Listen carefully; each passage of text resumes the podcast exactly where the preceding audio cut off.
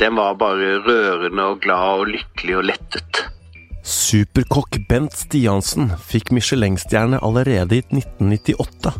Men ligger det en forbannelse bak det å få en stjerne i Michelin-guiden? Jeg heter Tor Erling Tømt Ruud, og dette er Verdens gang.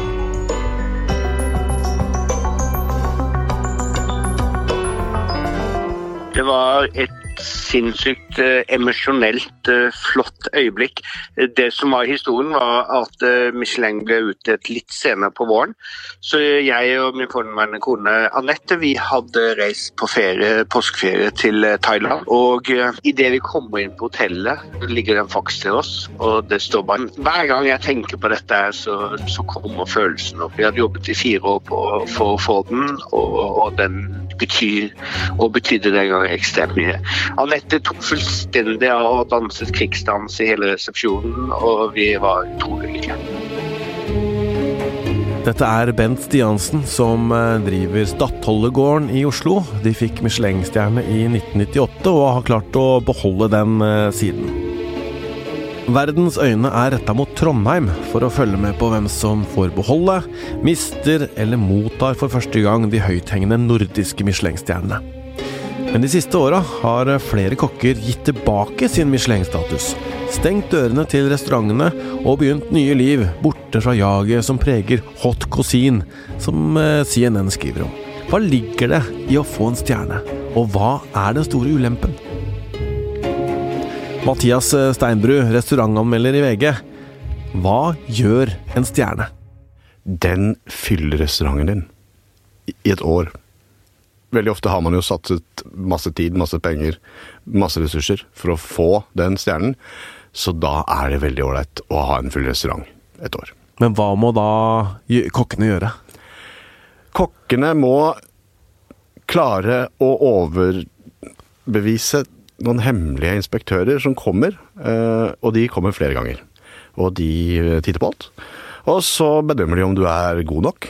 Og da er det Det er liksom eh, veldig vanskelig å si akkurat hva som skal til. Og det er veldig mange som har prøvd mange muligheter for å få det til. Det er jo eh, en i Norge som er flink til å få det. Han har fått det for alle tre restaurantene opp til de siste årene. Men ellers er ikke det en sånn kjent vei eh, å få stjerne. Du skal lage veldig god mat. Men du får en stjerne, da, og restauranten din blir fylt. Hva slags press er det? Nei, da skal du lage like god mat da, som det de opplevde, de som var der. Det som skjer er at du får en rekke mennesker som har en kjempehøy forventning om hva de skal få. Eh, I noen tilfeller er jo ofte de forventningene mye høyere òg, for man drømmer jo om en slags eventyrverden. Eh, så man får rett og slett gjester som er veldig kravstore. De, de, de skal ha noe de mener de Ja, noe de drømmer om. Og så er det da noen som eh, ikke bryr seg så mye om dette, eller gir tilbake stjernen, eller liksom sier at nei, dette her orker jeg ikke. Eh, hva er det for noe? Michelin-guiden er jo den viktigste guiden for restauranter som jobber innenfor fine dining, eller finmat, eller altså restauranter hvor, hvor, hvor de får skikkelig fin mat. Og det er jo sånn at det, er jo, det ligger jo et, et litt sånn asymmetrisk maktforhold her, fordi guiden bestemmer hvem som skal få, og kokkene har ikke så veldig mye de skal ha, sagt, og de investerer masse penger, og så blir de fratatt en stjerne, f.eks. Og da kan jo det ofte føles litt urettferdig. Eh, når man ikke vet på hvilket grunnlag man mister en stjerne, eller fordi man vet jo ikke på hvilket grunnlag man får heller. Eh, og da er det jo litt sånn at når det er den store målestokken vi har for den type restaurant, så blir det jo litt slik at de som velger å ta avstand fra den, forholder seg jo til den, på en måte. Men bare si at 'jeg vil ikke ha noe med de å gjøre fordi de representerer noe som ikke jeg vil stå inne for'. De lager jo fortsatt like bra mat, antageligvis, men, men, men, men det blir på en eller annen måte å bruke den guiden på samme måte som man bruker ikler seg en stjerne, da. Kan vi da si at det ligger en slags forbannelse bak Michelin-stjernen? Ja, altså for noen gjør det jo helt klart det. Det, det, det, er, jo, det er jo det å tåle et sånt press eh, hver eneste dag. Eh, det er det jo ikke alle som klarer, og, og det, er jo, mm, det er jo tragedier som ligger bak her. Det er jo to kokker som tok livet av seg i løpet av 2000. En i 2003 og en i 2016. Eh, og nå har det skjedd at uh, Paul Bocuse, liksom, som er på en måte gudfaren innenfor fransk cuisine, han døde jo av naturlige årsaker, mm. uh, alderdom, uh, i, i, i um, for to år siden. Mm. Og hans restaurant, Paul Bocuse restaurant, de ble da fratatt en stjerne i år. Og det ble jo et lurveleven. Ja, for de har hatt 50 eh, år, ikke sant, med tre stjerner, og uh, Paul Bocuse er jo mannen som står bak denne uh, kokkekonkurransen der nordmenn har vunnet mange ganger, ikke sant. Vi, vi, kjenner jo til det der. Hvorfor, kjenner, hvorfor ble det så mye rabalder rundt dette? Det er litt fordi både Michelin-guiden og Bocuse har jo måtte, hatt nytte av hverandre opp gjennom tida, og de, de, de representerer jo den veldig, uh, veldig sånn fine maten da, innenfor den franske uh, cuisinen. Det er jo litt sånn at når en ledestjerne forsvinner, altså når noe på en måte har vært så stort, så vil det være uh, Og når det blir fratatt en, en slags honnør, da, så vil det jo være mange som reagerer på det. Og Uh, og spesielt så reagerer de fordi de mener at maten er bedre enn noensinne. Uh, de lager ekstremt klassisk mat, uh, som alle kanskje bør oppleve. Men, men, det er ikke moderne. Og det er kanskje der det ligger litt at guiden også prøver å tilpasse seg litt mer der vi er nå. Og de er nødt de er jo et marked, de er et konkurranseutsatt marked de på, på, samme måte så de må jo ha brukere for å få det her til å gå rundt. Så, så det er vel kanskje litt politikk i hele den ideen, og det er jo det de fleste reagerer på. De reagerer på at eh, de syns det virker som om guiden tar bort stjernene fra Pobukos fordi han ikke lenger er trendy. Ja, det gidder jeg ikke å tenke på.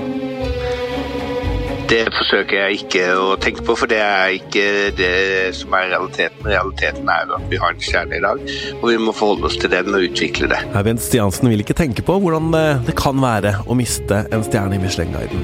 Han og folka på kjøkkenet jobber hver dag for å tilfredsstille gjestene. Jeg er veldig stolt av at eh, jeg og vårt personale vi er en teamwork som har klart å holde dette nivået gjennom eh, da 23 år. Eh, det er jeg veldig veldig ydmyk og stolt over. Vi er et team som jobber sammen for å oppnå det målet. Og det er ikke noe én person eh, gjør, det er et helt fotballag. Men uh, Michelin-guiden har jo en lang historie. Hvordan var det dette her starta, Mathias? Det var da altså, to brødre som begynte å lage dekk. Uh, de uh, gjorde det Det er Michelin-dekk? Ja, Michelin, ja, ja, stemmer, stemmer. Det er jo denne dekkfiguren, den hvite. Um, og det var i 1890 ca. Og så uh, startet, gjorde de et, en guide på 1900-tallet, eller 1900, og da var det 300 biler i Frankrike. Så de hadde lyst til å lage en guide som gjorde at folk måtte kjøre litt mer. Og slite med dekk. Ja. så da lagde de den guiden. I 35 000 opplag eller sånn. Og det ble en kjempesuksess. Og det gikk veldig fort. Og det var ikke bare Frankrike etter ti år. Da var det jo naboland og litt eh, Nord-Afrika og sånn. Og så, i 1926, kom eh, det første stjerna. Eh, og i 1931 så ble det trestjernesystemet som vi har i dag, kjent. Og det var da Det er slik at eh, får du én stjerne, så er det en veldig god restaurant i sin kategori. Får du to stjerner, så er det en så god restaurant at det er verdt at du tar en ekstra kjøretur. Eh, er det tre stjerner, så kan du dra dit. Uten å ha noen annen plan. Ja. ja. Så det er, det er stjernesystemet. Og, og øh, det har jo vært i Europa fram til 2005. Da inntok de Amerika. Mm. Og i 2008 eller 2008 der, da begynte Asia. Og da var det jo også en del endringer som skjedde, for der er det en litt annen matkultur. Men da fikk f.eks. en sushirestaurant nede i en T-banestasjon tre mm. stjerner. Og denne kjente dama med skibrillene mm. Eh, som lager en krabbeomelett ute på gata i Bangkok, fikk en stjerne. Ja, ikke sant. Så det har endret seg fra det vi har tenkt har vært liksom, hvite duker, sølvtøy, bestikk og tunge, tradisjonelle middager, til å bli mer råvaredrevet, kanskje. Etter at eh, folk da har mista stjerner, noen har også sagt at de ikke vil ha det osv. Det er blitt retta massiv kritikk mot Michelin-guiden da. Uh, og særlig kanskje de som reiser rundt og spiser, eller hva, hva går de? Altså, De som reiser ut og spiser, det er jo sånne folk som deg og meg. At de, de spiser veldig mye mer enn oss.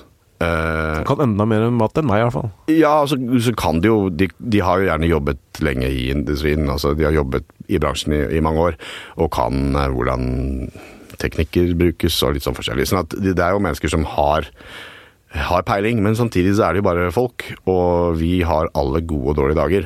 Det var en rettssak hvor en som ble fratatt en stjerne pga. En, eh, en krangel om hvorvidt det var en engelsk eller en fransk alpeost ble brukt i en soufflé, hvor eh, han krevde å få eh, grunnlaget for bedømmelsen utlevert gjennom rettssalen, og han tapte saken.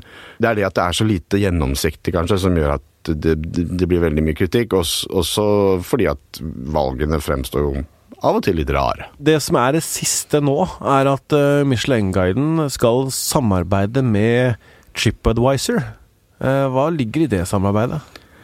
Ja, TripAdvisor og The Fork, um, det er jo den plattformen som, uh, som alle kan være Michelin-inspektør, på en måte. Og, og, og det blir jo litt Det er jo litt sånn merkelig at man har både topp og bunn samla i et samarbeid. Det, det det går ut på, egentlig, er at The folk får låne alle de merkene som er i Michelin-guiden. Altså den ja, tallerken og bestikk og stjerner. Jeg syns det, det fremstår litt rart at de skal samarbeide om det, for det vanner jo kanskje ut det Jeg ser ikke helt samme brukergruppe, men, men du får det samme når du går på viamichelin.no, så får du jo en oversikt over alle restaurantene som de har vært innom. Og jeg tror Michelin prøver også å vise bredden av restauranter de har, for de har ikke bare stjernerestauranter. Det er jo en rekke norske restauranter som er i guiden, men de har ikke fått en utmerkelse. Det er det som den guiden som blir eh, lansert i, i kveld, den har jo masse restauranter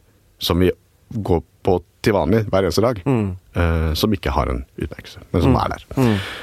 Um, sånn Det er vel det at de ønsker å øke bruken av sitt eget produkt, eh, men samtidig så tror jeg kanskje det, det sto at de skal prøve å kvitte seg med Booketable, som er et sånt bordbookingssystem, bordbokingssystem, altså hvor du kan gå inn og reservere bord på restaurant, og det er nok lurt at de, at de fjerner, rett og slett. Hva skjer da med Michelin-guiden? Har den mista sin rolle? Nei, det har jo ikke det. Det er jo det eneste systemet som vi måtte kokke forholde seg til, sånn sett. Michelin-guiden vil nok bestå og vil ha masse kontroverser framover. De ønsker jo det. De vil jo være aktuelle.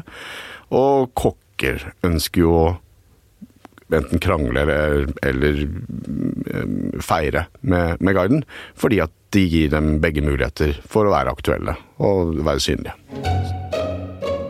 Det beste med Michelin, det er jo oppmerksomheten den får. Eh, og når man ønsker å være i en eh, topprestaurant, så, så er det kjempeviktig å få den anerkjennelsen. Eh, og fortsette å ha den anerkjennelsen. Så det er noe vi jobber for hver eneste dag. Det er jo for å tilfredsstille våre gjester, og da får man kanskje en, eh, beholde en, en glinsende stjerne hos Michelin. Ingen tvil om at Michelin er viktig for Bent Stiansen og co. på Stadholdergården. De mytiske og legendariske stjernene kan Michelin eh, holde på med, men de beste restaurantanmeldelsene i Norge får de i VG. Ja, det gjør vi. Verdens Gang lages av Emilie Hall Torp, Nora Torp eh, Bjørnstad, Kristine Hellesland og meg, Tor Erling Tømtrud. Magne Antonsen er teknisk produsent, og vi har en Facebook-side som eh, heter Verdens Gang, en daglig nyhetspodkast, hvor du kan gå inn og si eh, din mening om eh, hvordan vi lager podkasten.